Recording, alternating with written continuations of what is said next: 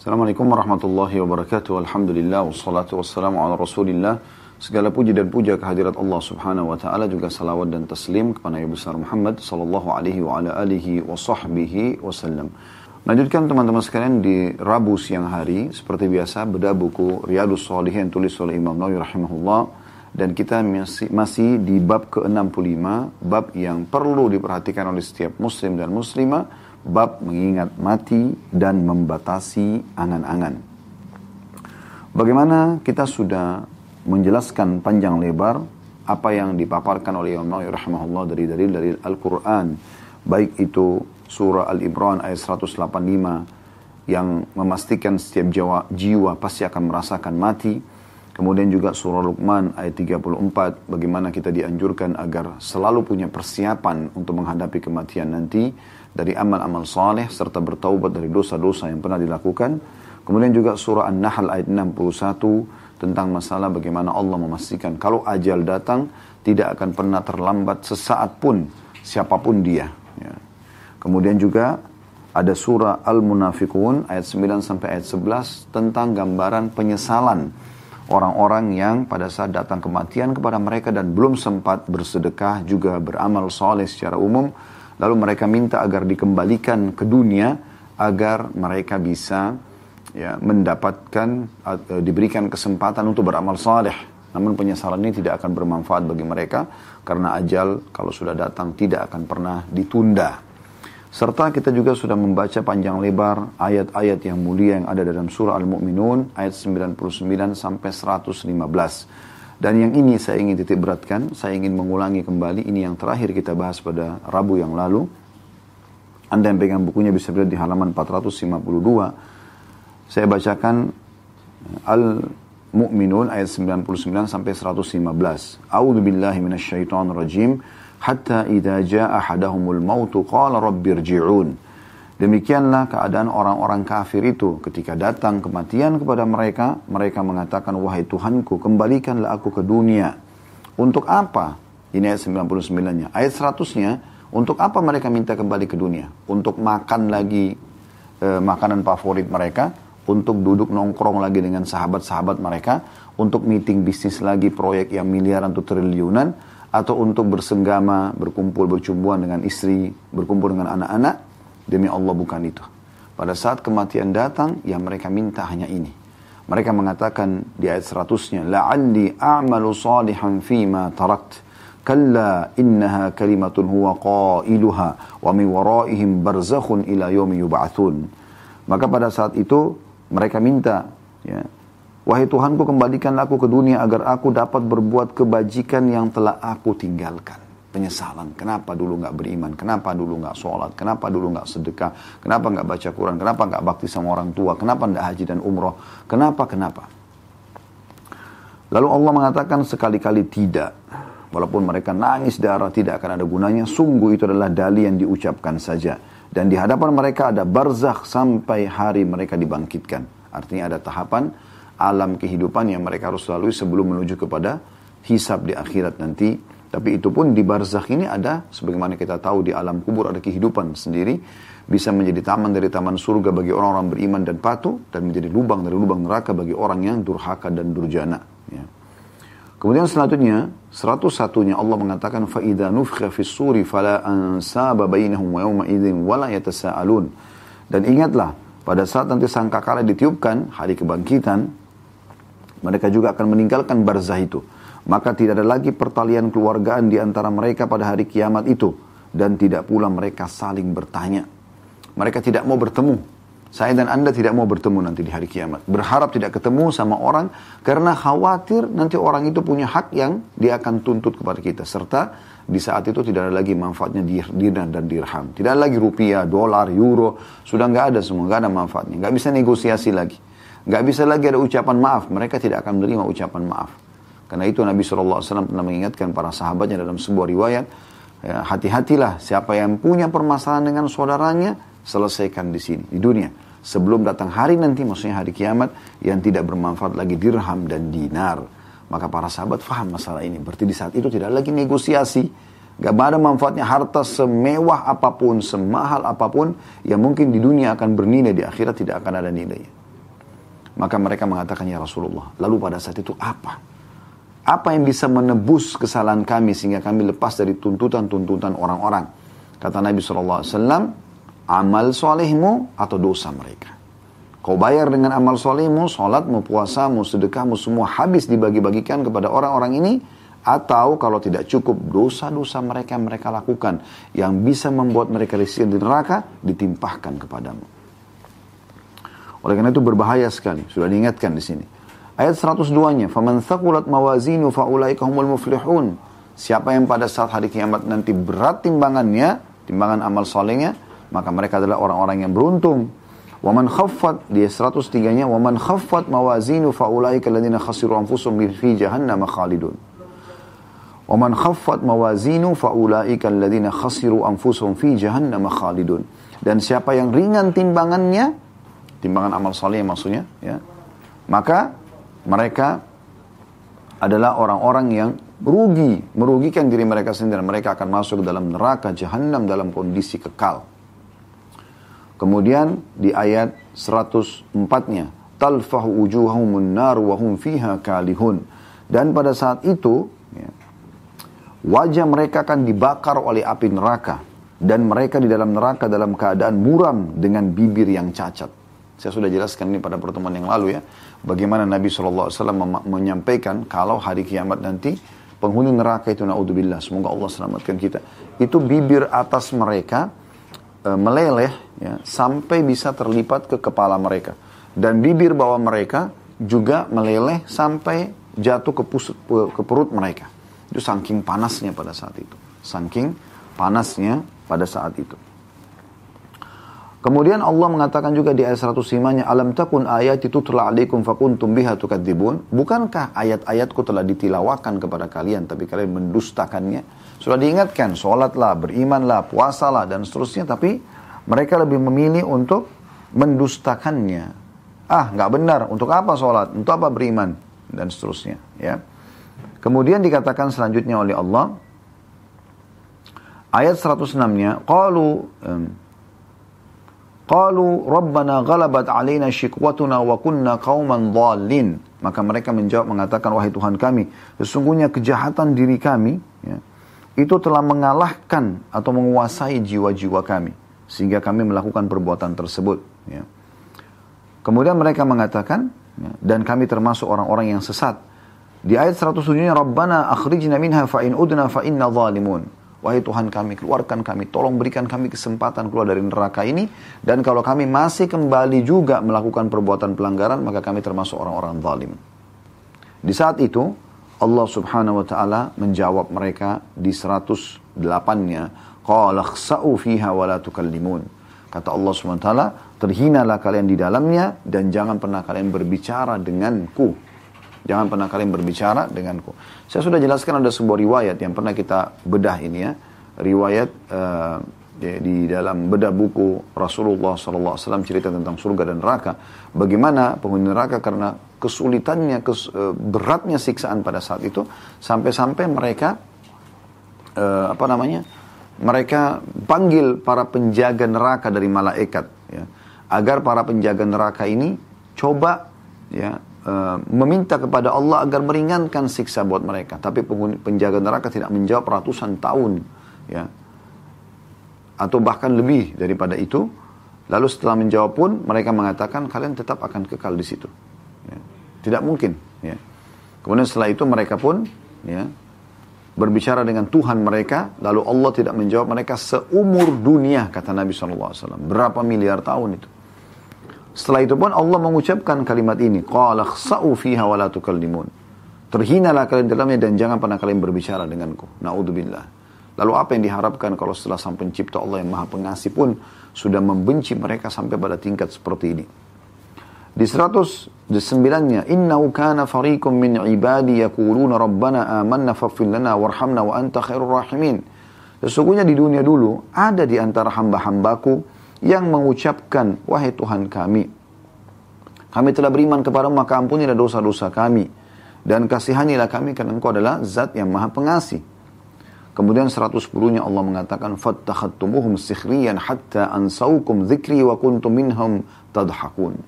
Dan pada saat itu kalian menjadikan mereka sebagai bahan-bahan olokan. Ya subhanallah ini jelas sekali ya.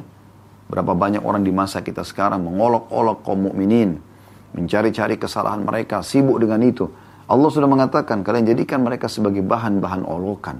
Orang yang setiap hari sibuk berdoa kepada Allah, mendekatkan diri kepada Allah, lalu diolok-olok, dicari-cari kesalahannya. Lalu Allah mengatakan, maka pada saat itu Allah menghinakan mereka. Ya. Dan kalian dulu menertawakan hamba-hambaku itu.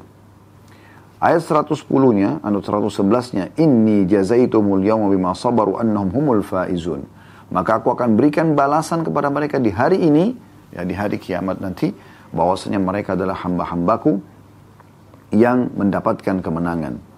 Lalu kemudian Allah bertanya kepada mereka kembali, ahli neraka ini, di 112-nya. Qala kam labithtum fil ardi adada sinin. Berapa lama kalian hidup dulu di dunia? Setelah mereka lalui puluhan tahun, mungkin ada umurnya sampai ratusan tahun. 113 yang mereka mengatakan qalu labithna yauman aw ba'da yaumin fas'alil 'adin. Sesungguhnya kami hanya hidup sehari atau setengah hari saja di dunia. Maka tanyakanlah kepada mereka-mereka yang menghitung, gitu kan. Maksudnya mereka saling bertanya sama yang lain, ini ada yang tahu nggak berapa lama kita hidup? Perasaan seperti cuma setengah hari atau satu hari saja gitu. Di 114-nya, qala in labistum illa qalila law annakum kuntum ta'lamun. Lalu Allah pun menjawab mengatakan kalian tidak tinggal di dunia melainkan sebentar saja. Jika kalian benar-benar mengetahui itu. Lalu Allah mengatakan menutup di 115-nya afahasibtum annama khalaqnakum abathan wa annakum ilaina la turja'un apakah kalian mengira bahwasanya kami ciptakan kalian sia-sia tanpa ada tujuan dan kalian tidak akan dikembalikan kepada kami tanda tanya ini semua Allah berikan kita bocorannya, ya, dibeberkan kepada kita sekarang tentang kejadian yang akan terjadi di hari kiamat nanti. Tinggal Anda mau menjadi golongan yang Allah mengatakan tadi humul faizun, mereka adalah orang-orang yang menang dan beruntung, atau Anda menjadi orang-orang yang justru menyesal abadi di neraka justru karena tidak beriman kepada Allah subhanahu wa ta'ala dan mengolok-olok orang-orang beriman. Kemudian juga surah Al-Hadid ya, saya maaf luput ini ada satu lagi yang ini juga sudah kita bahas beberapa pertemuan yang lalu ya. Di mana Allah Subhanahu wa taala di ayat 16 yang mengatakan Alam ya'ni lil ladzina amanu an takhsha qulubuhum li dzikrillah wa ma nazala minal haqqi wa la yakunu kal ladzina utul kitaba min qablu fatala 'alaihimul amadu faqassat qulubuhum wa katsirun minhum fasiqun. Belum tibakah waktunya bagi orang-orang yang beriman untuk mereka khusyuk mengingat Allah dan mematuhi kebenaran yang telah diwahyukan kepada mereka. Dan janganlah mereka berlaku seperti orang-orang yang telah menerima kitab sebelum itu. Karena kemudian mereka melalui masa yang panjang sehingga hati mereka menjadi keras dan banyak di antara mereka menjadi orang-orang yang fasik. Maksudnya adalah bagaimana ya dalam Al-Quran ini Allah subhanahu wa ta'ala ingin menyentuh dari ayat yang kita baru baca, hadith ayat 16, orang-orang beriman. Kalau tadi kan orang-orang yang memang lalai, orang kafir, ya, di sini sekarang orang beriman Allah ngajak. Allah mengatakan alam ya'ni alladziina amanu an takhsha qulub dzikrillah wa ma minal haqq. Belum tibakah saatnya hai orang-orang beriman, hai para pemuda muslim dan muslimah. Ya, belum tibakah saatnya hati kalian tunduk dan khusyuk kepada Allah dan apa yang diturunkan dalam Al-Qur'an, apa yang disampaikan dalam hadis Nabi wasallam, ini singgungan dari Allah Subhanahu wa taala. Lalu sampai kapan kalian selalu mau lalai? Sampai kapan kalian selalu mau lalai? Sementara teman-teman sekalian, iman itu harus dipupuk Gak bisa tidak. Kita harus terus menjaganya. Kita istiqomah, konsisten, kita menjaga, kita mengejar keutamaannya. Dan tidak boleh lalai sesaat pun tidak boleh lalai. Apalagi sampai sehari atau dua hari. Sehingga kita selalu dalam keadaan beriman, beramal soleh sampai ajal datang. Dan itu yang diperintahkan oleh sang pencipta Allah. Syaitan tidak ingin itu terjadi. Dia akan berusaha untuk membuat kita menyimpang dari jalan Allah subhanahu wa ta'ala. Cuma memang kita bisa menepisnya, kita bisa menolaknya. Tinggal mau atau tidak saja. Maka ini harus di garis bawahi baik-baik. Allah subhanahu wa ta'ala adalah sebaik-baik tempat bersandar. Maka patuh dan tunduklah kepadanya. Patuh dan tunduklah kepadanya. Ini sebuah e, karunia yang sangat besar kalau Allah subhanahu wa ta'ala mudahkan kita tersentuh secara keimanan lalu mau beramal soleh. Jangan dilalaikan itu, jangan disia-siakan. Jangan tinggalkan setelah Anda merasakan kenikmatan ibadah. Jangan lagi membuka pintu-pintu dosa yang akhirnya mengurangi kadar keimanan dan kenikmatan ibadah itu. Jadi kembali kepada Allah secara seutuhnya, sepenuhnya dan insya Allah kita akan bertahan bertahan seperti itu sampai meninggal dunia. Sebagaimana Allah sebutkan dalam Al-Quran, hatta wa'bud rabbaka hatta ya'tiyakal yakin.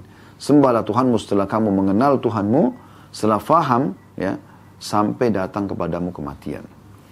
Jadi ini kurang lebih gambaran ayat-ayat Al-Quran yang sudah kita pelajari pada pertemuan yang lalu, cuma saya merasa perlu untuk diulangi. Dan kita akan masuk insya Allah sekarang di hadis pertama dalam bab ini. Hadis nomor 579 dari awal belajar berbunyi dari Ibnu Umar radhiyallahu anhu beliau berkata, "Akhadha Rasulullah sallallahu alaihi wasallam bimankibi faqal kun fid dunya ka'annaka gharibun aw 'abiru sabil." Wa kana Ibnu Umar radhiyallahu anhu yaqul, "Idza amsayta fala tantadhiru as-sabah wa idza asbahta fala tantadhiru al-masa wa khudh min sihhatika limaradika wa min hayatika limautik." Hadis ini hadis sahih diriwayatkan oleh Bukhari. Kata Abdullah bin Umar radhiyallahu anhu, Rasulullah sallallahu alaihi wasallam suatu hari pernah memegang pundakku lalu beliau bersabda, Jadilah kamu di dunia ini hai Ibnu Umar seperti orang asing atau orang yang melintas di jalan saja, orang lewat. Lalu Ibnu Umar mengambil pelajaran daripada pesan itu, beliau berkata, apabila kalian atau kamu berada di sore hari, maka jangan pernah menunggu esok pagi dan apabila kau beri, tiba di, apabila kamu berada di pagi hari maka jangan menunggu sore hari. Pergunakanlah masa sehatmu untuk masa sakitmu dan masa hidupmu untuk kematianmu. Riwayat ini adalah riwayat yang mulia dan masyhur sekali di kalangan para dai yang ingin mengingatkan dirinya dan juga umat tentang masalah pentingnya ya tunduk dan patuh kepada Allah Subhanahu wa taala dan berhati-hati dengan ajal yang bisa datang seketika sehingga akhirnya tidak sempat beramal saleh atau tidak sempat bertaubat dari dosa-dosa. Kita lihat bagaimana pesan Nabi alaihi salatu wassalam. Dan ini pesan bukan hanya untuk Abdullah bin Umar radhiyallahu tapi untuk semua umat Islam, tidak terkecuali. Semua umat Islam. Pesan ini adalah Nabi SAW memegang pundak Abdullah bin Umar lalu mengatakan kun fid dunya. Jadikan dirimu di dunia ini ya, Ka'annaka garib, seakan-akan kau orang asing. Au abiru sabil, atau orang yang cuma melintas saja. Pendek, ringkas, padat. Dan ini masuk dalam istilah jawami al-kalim, atau memang perkataan yang ya, padat, namun banyak maknanya. Ya, bisa masuk dalam banyak maknanya. Atau luas sekali, mencakup banyak bahasan.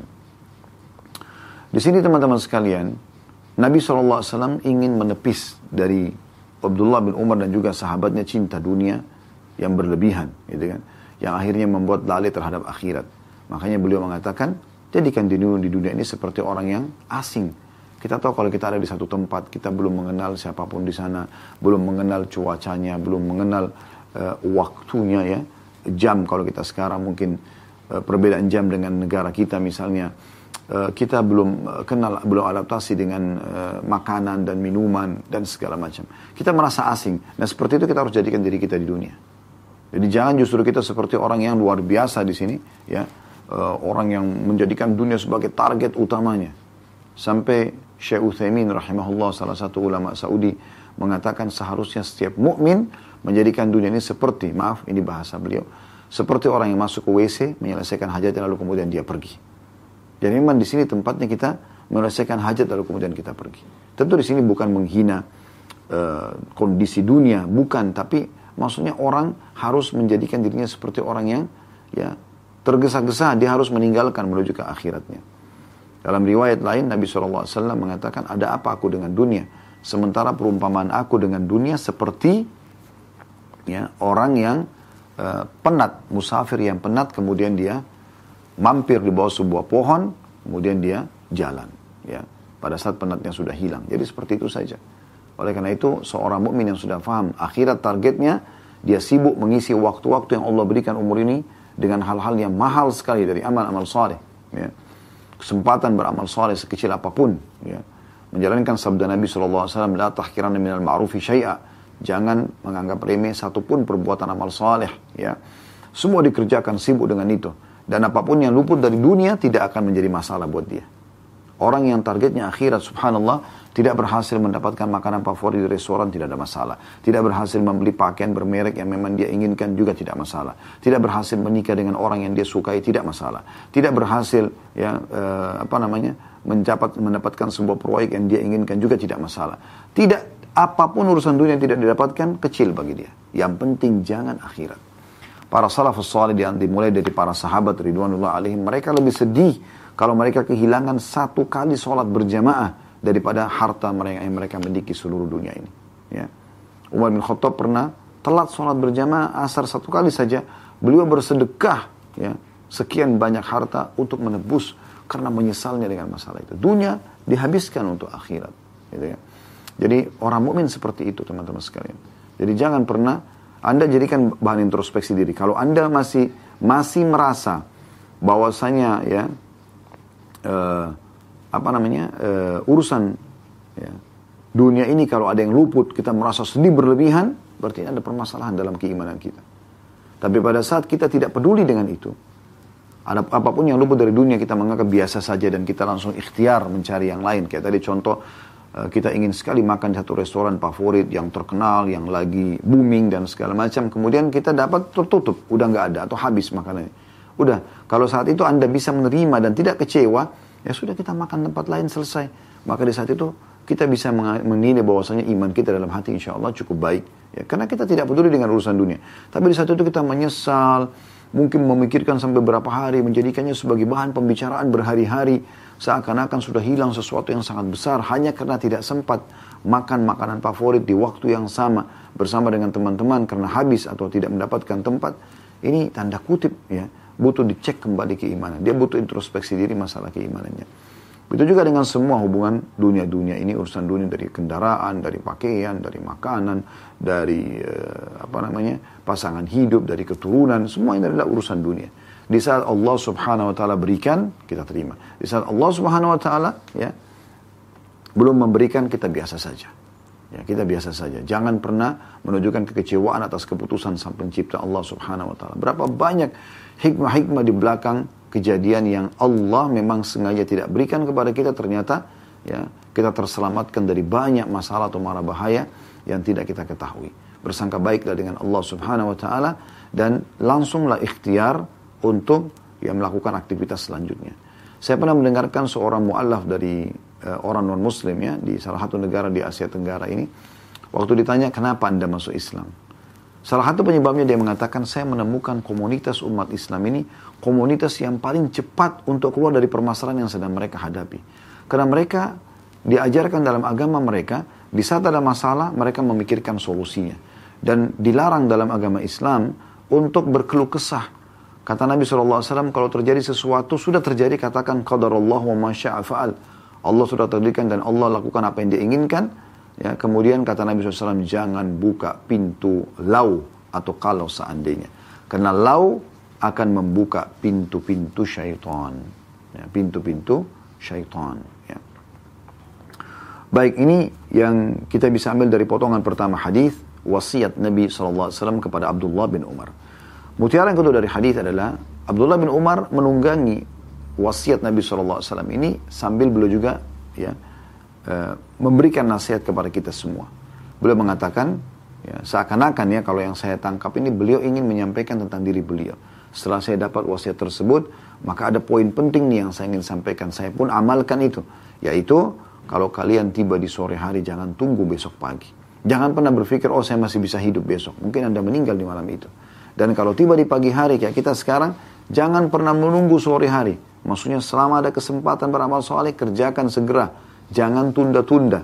Karena itu tidak ada manfaatnya menundanya. Belum tentu kita hidup sampai sore hari. Sadar wahai, wahai, wahai manusia, miliaran orang sebelum kita, miliaran yang lebih gagah, lebih cantik, lebih kaya, lebih kuat, lebih segala macam meninggal dunia juga. Ya.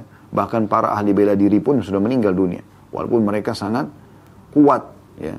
Berapa banyak olahragawan dunia yang terkenal di masa mudanya, tapi setelah mereka akhir hidupnya tua, lemah, lalu meninggal dunia. Begitu juga dengan kita semuanya. Maka yang benar adalah bagaimana seseorang menjalankan hadis Nabi alaihi salatu wassalam pada saat beliau ditanya oleh beberapa sahabat, siapa orang mukmin yang paling cerdas? Kata Nabi SAW, yang paling banyak mengingat kematian dan punya persiapan untuk menghadapi atau menghadapi kematian tersebut. Nah ini wasiat yang luar biasa. Bagaimana setiap orang mukmin itu selalu sibuk dengan amal-amal soleh, amal-amal baik, tanpa menunda kesempatan. Saya sering menjadikan sebagai simbol hidup saya dan saya berharap ini akan terus berjalan sampai ajal datang nanti insya Allah. Dan teman-teman bisa amalkan setiap kali ada peluang amal soleh, anggap itu adalah kesempatan terakhir yang Allah berikan. Sehingga setelah ini kita tidak hidup lagi. Dengan prinsip seperti ini, setiap kali ada orang miskin minta, kita akan berpikir atau kita akan ter, ter, ter, apa namanya tersentuh secara keiman dalam hati, mungkin sedekah ini adalah sedekah yang terakhir. Maka kita jangan sampai tunda, jangan sampai ikuti bisikan syaitan atau negosiasi sama syaitan seakan-akan masih ada orang miskin lagi di depan sana yang lebih butuh. Tidak, sekarang di depan mata eksekusi. Saya sudah sering bilang teman-teman sekalian, mohon maaf kalau bahasa saya ini ada yang keliru, tapi saya membahasakan apa yang saya rasakan gitu kan. Kalau sedang ada kesempatan amal soleh, saatnya eksekusi dan bukan negosiasi sama syaitan. Kalau negosiasi sama syaitan tidak akan pernah berhasil. Atau minimal kita akan mencari yang paling sedikit pahalanya. Tapi saatnya kita pada saat itu memberikan yang terbaik dan menanamkan dalam diri kita, ini amal saya yang terakhir. Mungkin ini sedekah saya yang terakhir. Mungkin zikir saya yang terakhir. Mungkin doa saya yang terakhir. Mungkin bacaan ayat Al-Quran terakhir. Mungkin ini kesempatan terakhir saya ya membantu orang miskin atau tetangga. Mungkin ini terakhir kali saya umroh dan haji. Mungkin ini terakhir kali saya berjihad, saya menuntut ilmu dan seterusnya. Maka ini akan membuat kita selalu tersibukkan dengan amal soleh. Ingat, yang bisa menyelamatkan dirimu hai muslim adalah kamu sendiri. Tidak ada orang lain yang bisa menyelamatkan dirimu. Karena sehebat apa pun orang menyampaikan sebuah tausiah, wasiat, ceramah di depan anda kalau anda sendiri tidak mau memperbaiki diri, maka tidak akan pernah bisa. Dan Allah subhanahu wa ta'ala pun akan memberikan perbaikan diri kalau anda sudah memulainya. Ingat firman Allah subhanahu wa ta'ala, Inna Allah la yugayiru ma biqawmin hatta yugayiru ma bi anfusihim. Allah tidak akan mengubah nasib satu kaum sampai mereka mengubah nasib mereka sendiri.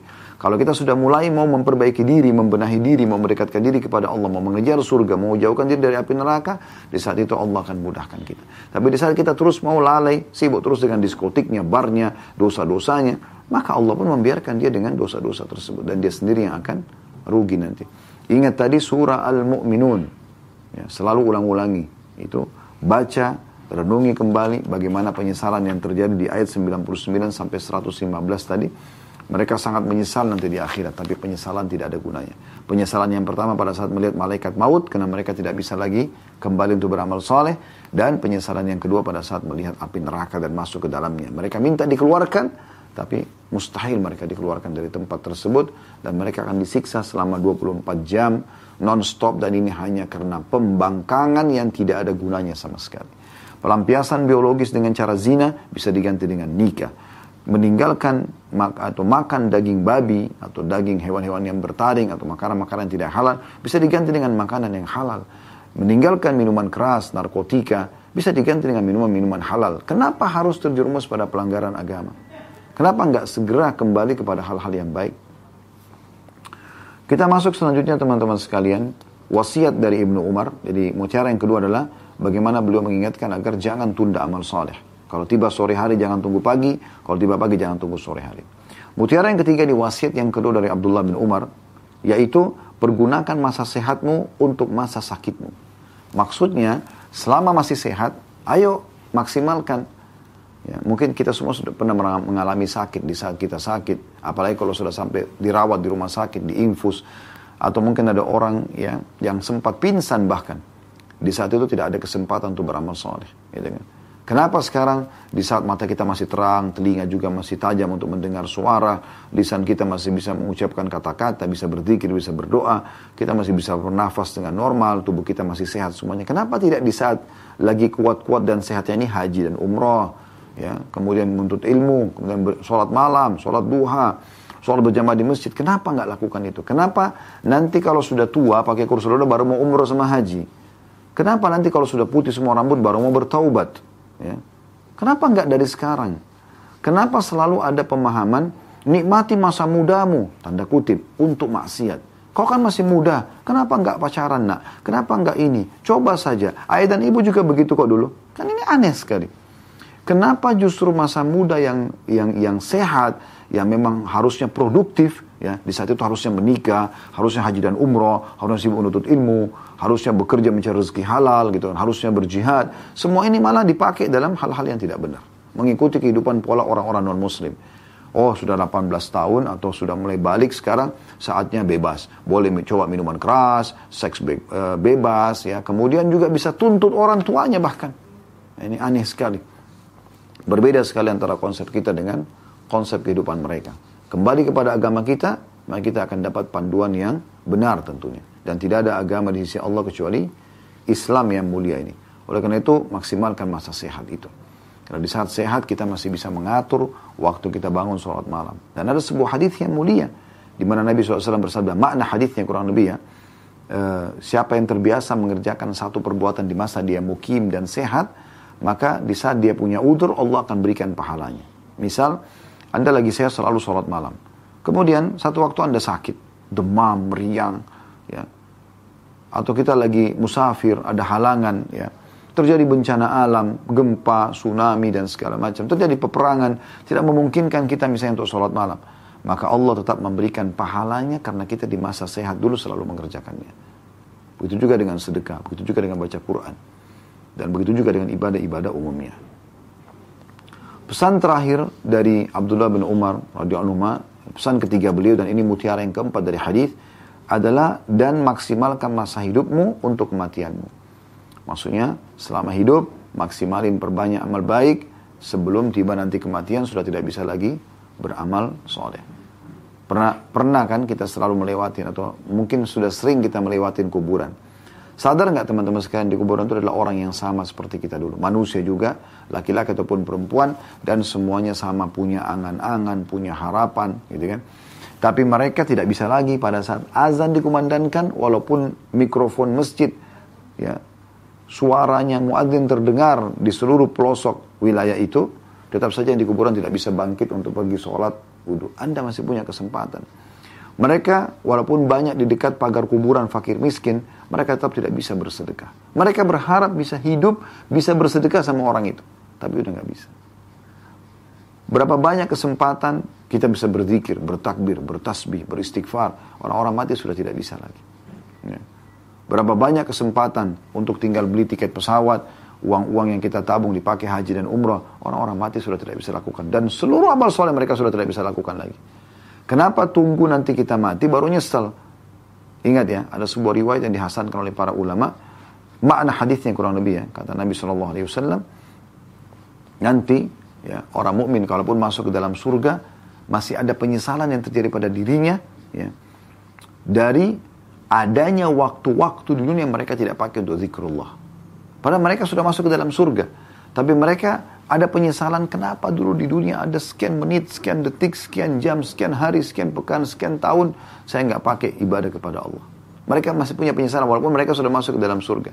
Karena dengan dimaksimalkan waktu-waktu itu ternyata bisa membuat menambah derajat di surga dan itu tidak bisa diulangi. Ingat, kesempatan amal soleh tidak bisa diulangi. Kapan luput dari Anda tadi sholat berjamaah duhur di masjid misalnya. Kalau Anda dengarkan ceramah ini, kemudian Anda terpikir, oh iya, saya pengen sholat berjamaah di masjid. Sudah tidak bisa Anda perbaiki. Anda bisa ke masjid sholat, tapi bukan dapat pahala jemaah pertama. Dan tidak bisa diperbaiki. Setiap amal sholat yang sudah luput, tidak bisa diperbaiki. Yang bisa kita coba berbuat ke depannya. Beda dengan dosa. Dosa kalau kita kerjakan, Allah dengan kemahamurannya masih berikan kesempatan kita untuk taubat. Itu bisa. Tapi kalau ini nggak bisa. Ya, ini poin perlu digarisbawahi tentunya. Hadis selanjutnya hadis nomor 580 dari Ibnu Umar radhiyallahu anhu bahwa Rasulullah sallallahu alaihi wasallam bersabda, "Ma haqqum ri'in muslimin lahu syai'un yusi fihi yabitu lailataini illa wa wasiyatuhu maktubatun indahu." Hadis ini diriwayatkan oleh Bukhari dan Muslim, ini lafaz Imam Bukhari. Terjemahannya, tidak patut bagi seorang muslim melewati dua malam di mana dia mempunyai sesuatu yang akan diwasiatkan melainkan wasiatnya sudah tertulis di sisinya. Dalam riwayat Imam Muslim, yabitu thalatha layalin, melewati tiga malam. Ibnu Umar radhiyallahu berkata, semenjak saya mendengarkan Rasulullah SAW bersabda demikian, saya tidak pernah melewatkan satu malam pun melainkan wasiatku sudah tertulis di sisiku. Apa maknanya hadis ini? Kita jelaskan dulu secara global. Wasiat, wasiat itu sesuatu yang anda tulis, ya. Yang mungkin wasiat ini akan memudahkan anda lepas dari hisab di hari kiamat. Contoh misal, anda punya utang sama si fulan. Anda belum punya kemampuan untuk bayar. Anda tidak tahu kapan bisa bayar. Tulis wasiat. Kalau saya punya utang sama si fulan, tolong kalau saya meninggal dan belum sempat dibayar, maka dibayarkan dari warisan saya atau ada di antara wali saya membayarnya, misal contoh. Atau Anda pernah punya masalah sama seseorang, Anda lagi mencarinya dan belum menemukannya.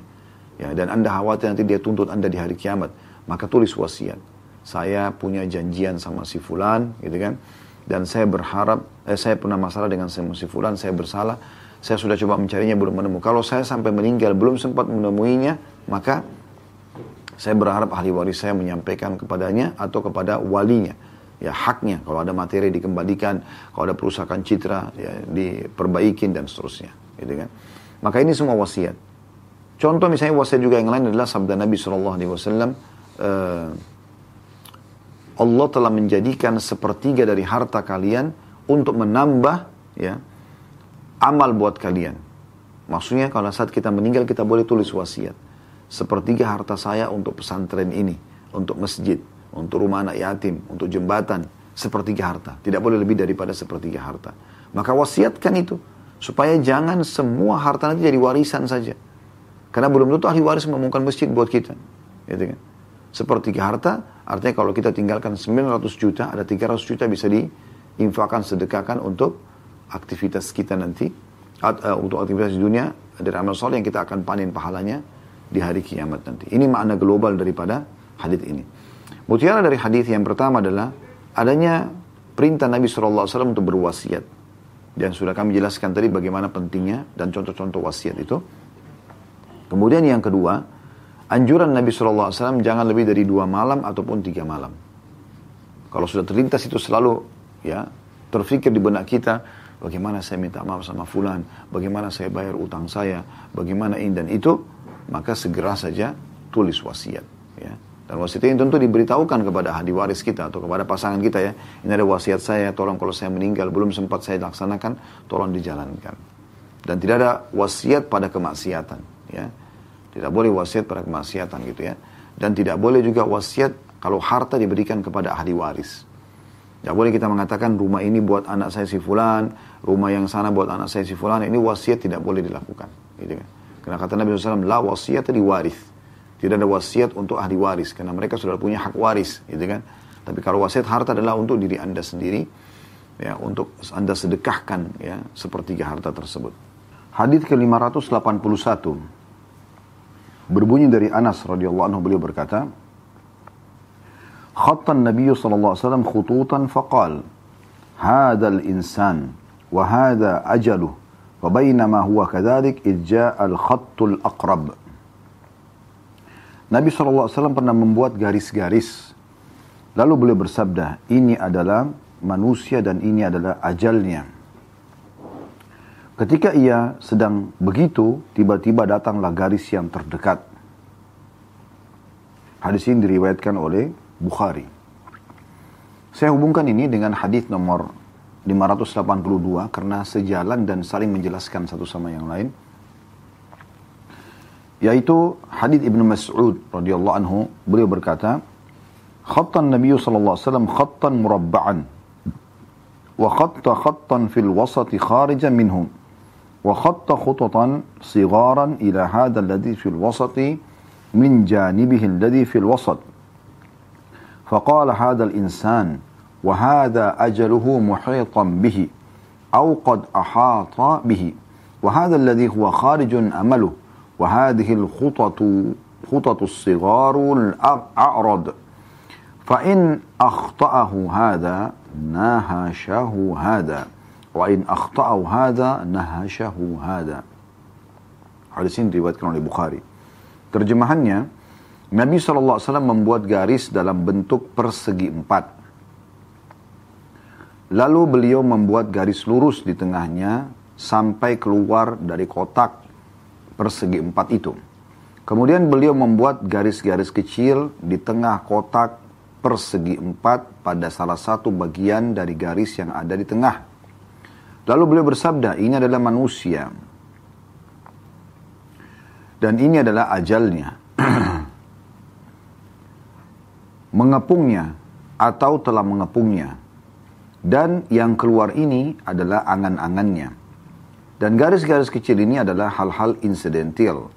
Jika satu hal insidental tidak mengenainya, maka yang berikut akan mengenainya. Jika yang berikut tidak mengenainya, maka yang berikutnya lagi pasti mengenainya. Dan di buku ini, kalau yang pegang bukunya, di situ digambarkan bagaimana bentuk kotak yang Nabi SAW buat ya.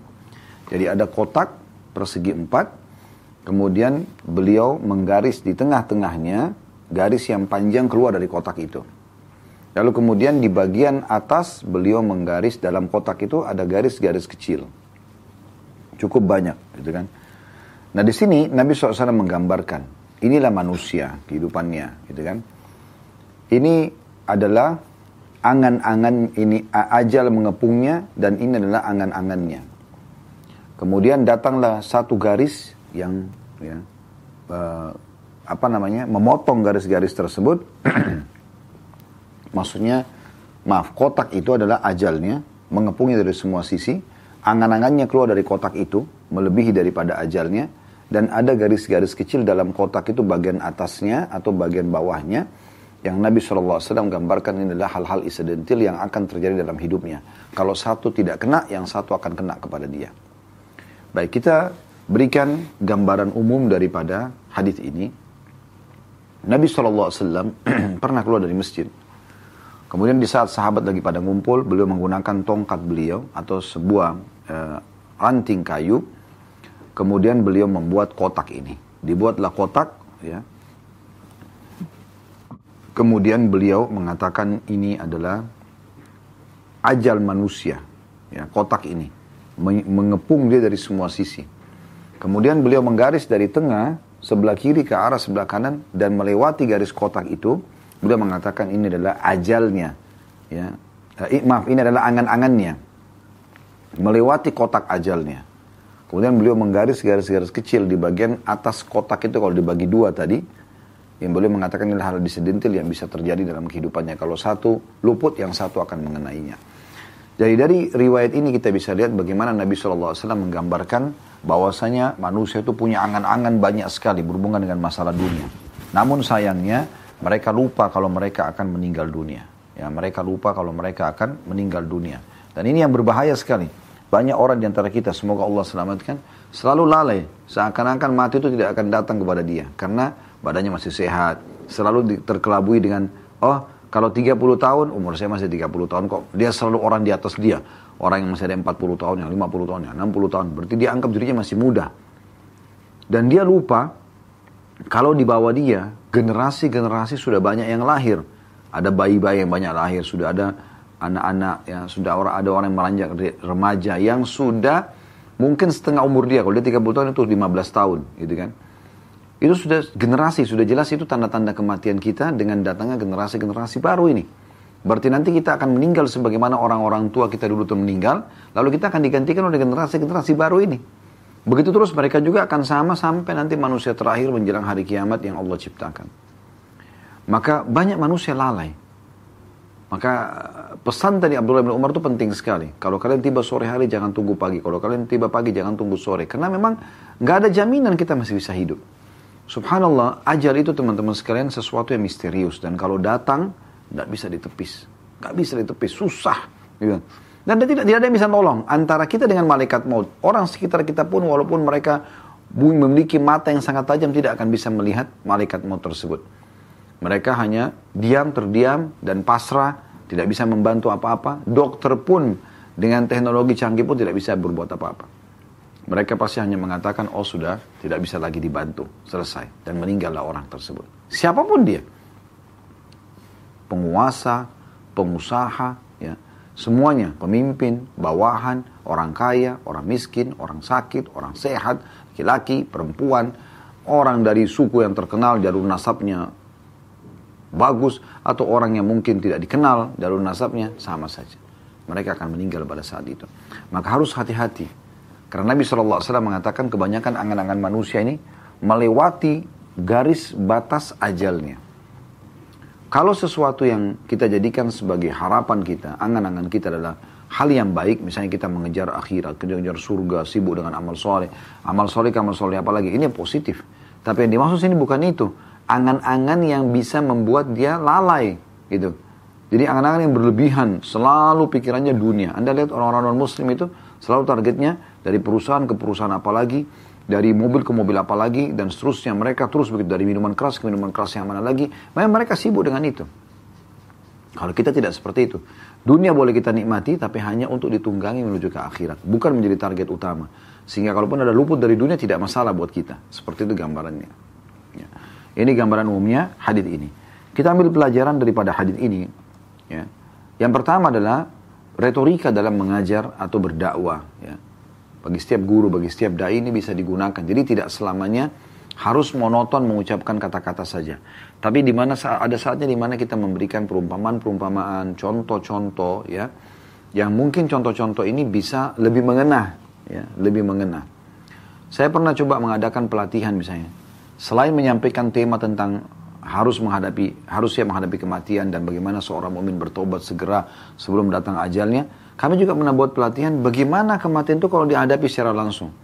Dalam lima menit saja menjadi jenazah, maka mereka bisa merasakan pakai kain kafan, turun di liang lahat, kemudian e, merenungi bagaimana peluang-peluang amal soleh yang luput, bagaimana dosa-dosa yang pernah dilakukan tidak sempat bertobat, Allah akan hukum. Itu ternyata pengaruhnya secara kejiwaan besar sekali. Ini salah satu retorika.